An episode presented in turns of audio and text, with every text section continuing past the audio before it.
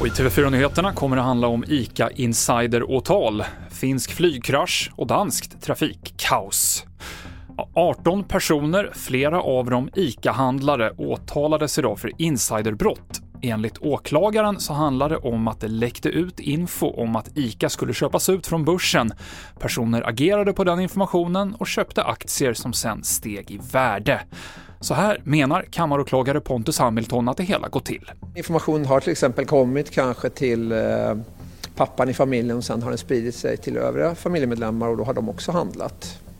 Så har det gått till och sen har det i något fall också gått vidare då till vänner, till kanske barnen till exempel. Vad kommer du lägga fram för eh, viktigast bevisning här? Det är meddelanden mellan eh, de tilltalade, det är också inspelade samtal som finns med banken och mellan varandra. Det är viktig bevisning. Ingen av kandidaterna i Turkiets presidentval får egen majoritet och därför väntar en ny valomgång den 28 maj.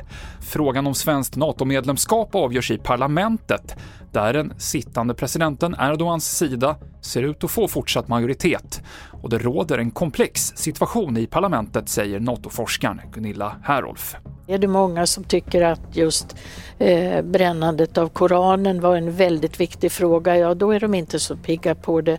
Tycker de att eh, närmande till väst, som Kilicdaroglu står för, är viktigt, då, då spelar det en större roll.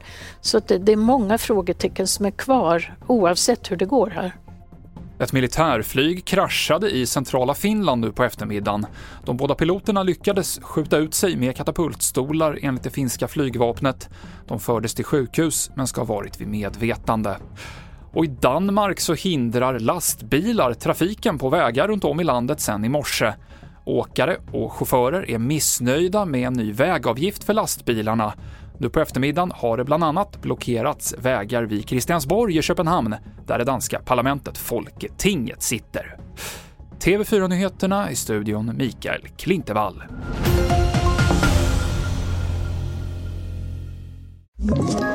Ett poddtips från Podplay.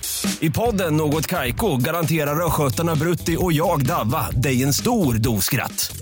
Där följer jag pladask för köttätandet igen. Man är lite som en jävla vampyr. Man har fått lite blodsmak och då måste man ha mer. Udda spaningar, fängslande anekdoter och en och annan arg rant.